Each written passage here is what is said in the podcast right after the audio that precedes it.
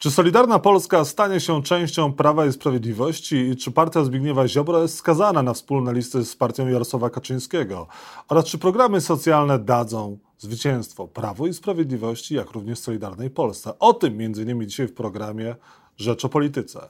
Jacek Nizinkiewicz, zapraszam.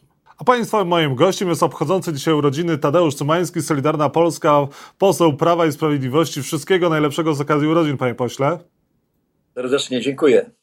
Nie wiem, czego panu życzyć. Tańszej benzyny, y, chrustu, że pan jak najwięcej nazbierał, czy może refundacji 500.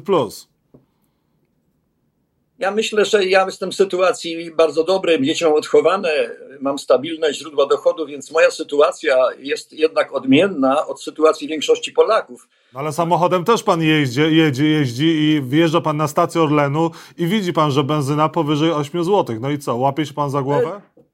Śledzę to, jest co więcej, chodzę y, często, może jak mam czas, y, po zakupy, więc też obserwuję y, ceny tych podstawowych produktów. Chodzę czasami na rynek, więc nie jestem oderwany od rzeczywistości, jestem na bieżąco. Rzeczywiście mamy do czynienia ze znacznym, dynamicznym wzrostem inflacji. Jest to niepokojące.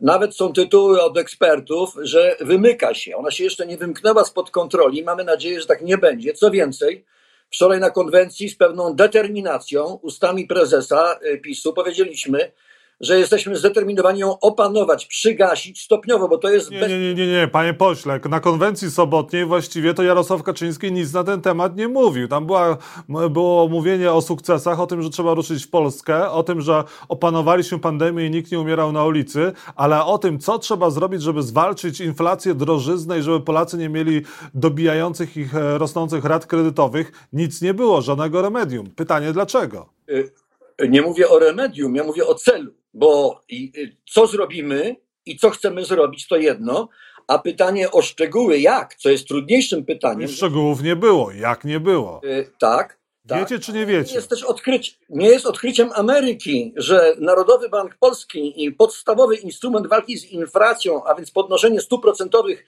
to jest potworne, gorzkie, straszne dla wszystkich. Natomiast zadaniem władzy, każdej władzy, a zwłaszcza naszej władzy, jest pamiętać i dbać o to, że pomagać, a więc wszystkie tarcze, wszystkie osłony, wszystkie działania muszą być ukierunkowane dla tych, którzy obiektywnie mają trudno, ciężko i nawet bardzo ciężko. I to jest właśnie zmiana polityki.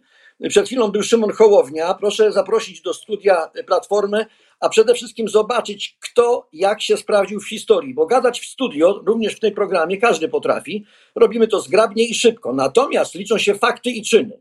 I uważam, że nasza polityka przez te kilka, przy wszystkich zastrzeżeniach, niepowodzeniach udowodniła i również nasze projekty, w tej chwili konkretne projekty ustawowe zmierzają do pomagania jednak wybranym grupom, nie wszystkim. Dobrze, panie pośle, to ja bym chciał się dowiedzieć, jak y, obóz Zjednoczonej Prawicy zamierza walczyć z drożyzną. Jaki jest pomysł na to, żeby ceny spadły, a żeby ceny benzyny nie dobiły za kilka miesięcy do 10 zł lub nawet nie przebiły 10 zł?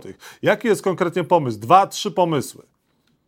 No wie pan, y, to są bardzo trudne pytania i to są pytania, za które można by rzeczywiście, jak ktoś powiedział, Nobla dostać. Natomiast uważam, że jeżeli chodzi o wzrost cen, jeżeli chcemy, a chcemy zachować wolny rynek i konkurencję, więc kształtuje, ceny kształtuje rynek, podaż i popyt i możliwości nabywców. To jest jasne.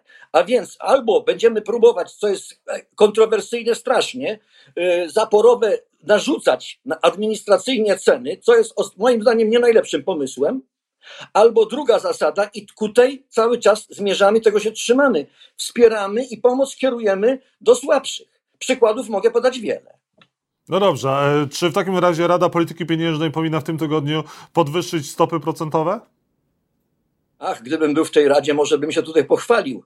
Moim zdaniem to jest kwestia oceny wskaźników z rynku płynących sytuacja jest trudna. Pożar jest potężny. Bo... Adam Glapiński mówił, że raty, że, że stopy będą podnoszone. Czytaj, raty kredytów e, przeciętnego Kowalskiego pójdą jeszcze bardziej w górę. Więc pytam pana, czy stopy procentowe powinny zostać podniesione przez Radę Polityki Pieniężnej? E, co za tym idzie, czy Polacy powinni płacić wyższe kredyty? Tak czy nie? Jak w Biblii, panie pośle. No, to wie pan, w ciemno się nie mówi. Jeżeli jeżeli inflacja przyspiesza i rośnie, to trzeba niestety lekarstwo musi być do choroby dostosowane. Ja takich danych nie mam, ale jeżeli są, ja się z tym liczę i trzeba uczciwie powiedzieć, że te stopy procentowe mogą i najprawdopodobniej będą podnoszone, co oznacza, że raty wzrosną. No to pytanie jest retoryczne, że ja nie będę z siebie głupa strugał. No, no właśnie, a teraz kolejne, kolejne pytanie, pan nie będzie z siebie głupa strugał. E, chwali się pan tym, że, że, poma że pomagać że pomagacie Polakom. Pytanie, czy 700 plus, 500 plus jako program demograficzny, bo takim był ogłaszany, pomogło podwyższyć dzietność w Polsce? Y, efekty są bardzo skromne, są rozczarowujące. Tego nie ma co ukrywać. Można mówić nawet o pewnym niepowodzeniu. Natomiast bezdyskusyjne jest, że w ogromnym stopniu dla milionów rodzin stanowiło i stanowi jednak potężne wsparcie ekonomiczne i socjalne. Tylko Pytanie inaczej to... był ten program pomyślany, zapowiadany i inne były oczekiwania, a inne są efekty, jak pan tak. zauważył. Tak. Panie redaktorze, oczywiście, że tak. Jeżeli o mnie chodzi prywatnie, to ja bym nigdy 500 nie postawił, tylko dałbym 300, natomiast 1000 złotych na dziecko, nowe dziecko, które się rodzą, bo walka idzie o to, o te urodzenia. I tu się nie zgodzę z poprzednim gościem pańskiego programu, że pieniądze niewiele znaczą. Jeżeli możemy mieć mieszkanie, żłobek, elastyczność, wszystko jest prawdą, ale trzeba mieć stabilne źródło dochodów dzieci, kto ma dzieci, kto ma, kto ma pszczoły, ten ma miód, kto ma dzieci, znamy to. A więc Właśnie. jednak wsparcie ekonomiczne ma znaczenie i ja bym powiedział jedną rzecz, pytanie, ile by było urodzeń, gdyby nie było 500+. Plus? To też jest niegłupie pytanie. A może więcej byłoby urodzeń, gdyby doszło do waloryzacji 500+, plus? E, czy stać Polskę na, na 700+, plus, albo może na 1000+. Plus?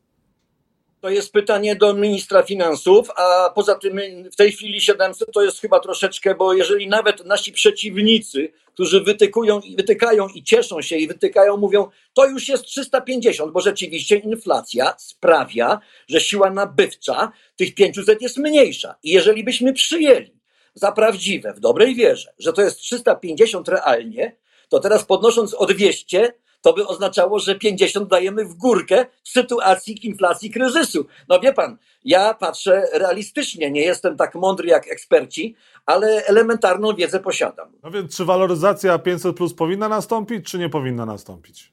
Moim zdaniem należy to bardzo poważnie rozważyć i ja się ku takim rozważaniom skłaniam i jestem gotowy, ale decyzja jest bardzo trudna w sytuacji, kiedy się rozpędza inflacja i mówimy o zabezpieczeniu opału na zimę czy innych, no to proszę pana, nam nie zabraknie odpowiedzialności. Panie pośle, to w takim razie może trzeba być odpowiedzialnym i wprowadzić kryterium dochodowe na 500. Nie każdy powinien dostawać e, to 500 i najbogatsi, e, e, którzy nie potrzebują tego wsparcia, nie powinni go dostawać. No wie pan, niestety nie jestem premierem, nie jestem w rządzie. Pytam o pańską opinię. Ale ona jest znana panu i wszystkim. Ja od, od samego początku uważałem i uważam, i to jest moje osobiste zdanie, że Polska nie jest biednym krajem, ale nie jest jeszcze bogatym. A teraz, kiedy mamy po covid po kryzysie i wojna z Rosją, tym bardziej jest to moment, kiedy trzeba bardzo poważnie się zastanowić nad w ogóle przeglądem wszystkich świadczeń. Bo niech pan zwróci uwagę, że jestem przy głosie. Ostatnio wprowadzono małą rzecz. 150 na dekoder dopłata, 250 na nowy telewizor dopłata. Ale wprowadzono kryterium. Telewizor nie droższy niż 2000. Trzynasta emerytura dla wszystkich, ale czternastka już nie. Absolutnie tutaj, nawiązując do Pana pytania, byłem i jestem zwolennikiem ograniczenia 500 plus do ludzi słabych i średnich. Natomiast osoby, które mają bardzo wysoki dochód, na przykład 5 tysięcy na osobę, no to naprawdę w tej sytuacji ja bym tu poważnie. I to jest jeszcze ogromna rezerwa. Ona jest może politycznie trudna, ale uważam, że etycznie i społecznie jest. I tylko te środki trzeba skierować na mądre cele które byśmy zaoszczędzili, a nie byłyby to małe środki, a miliardy złotych. To jest moje osobiste zdanie.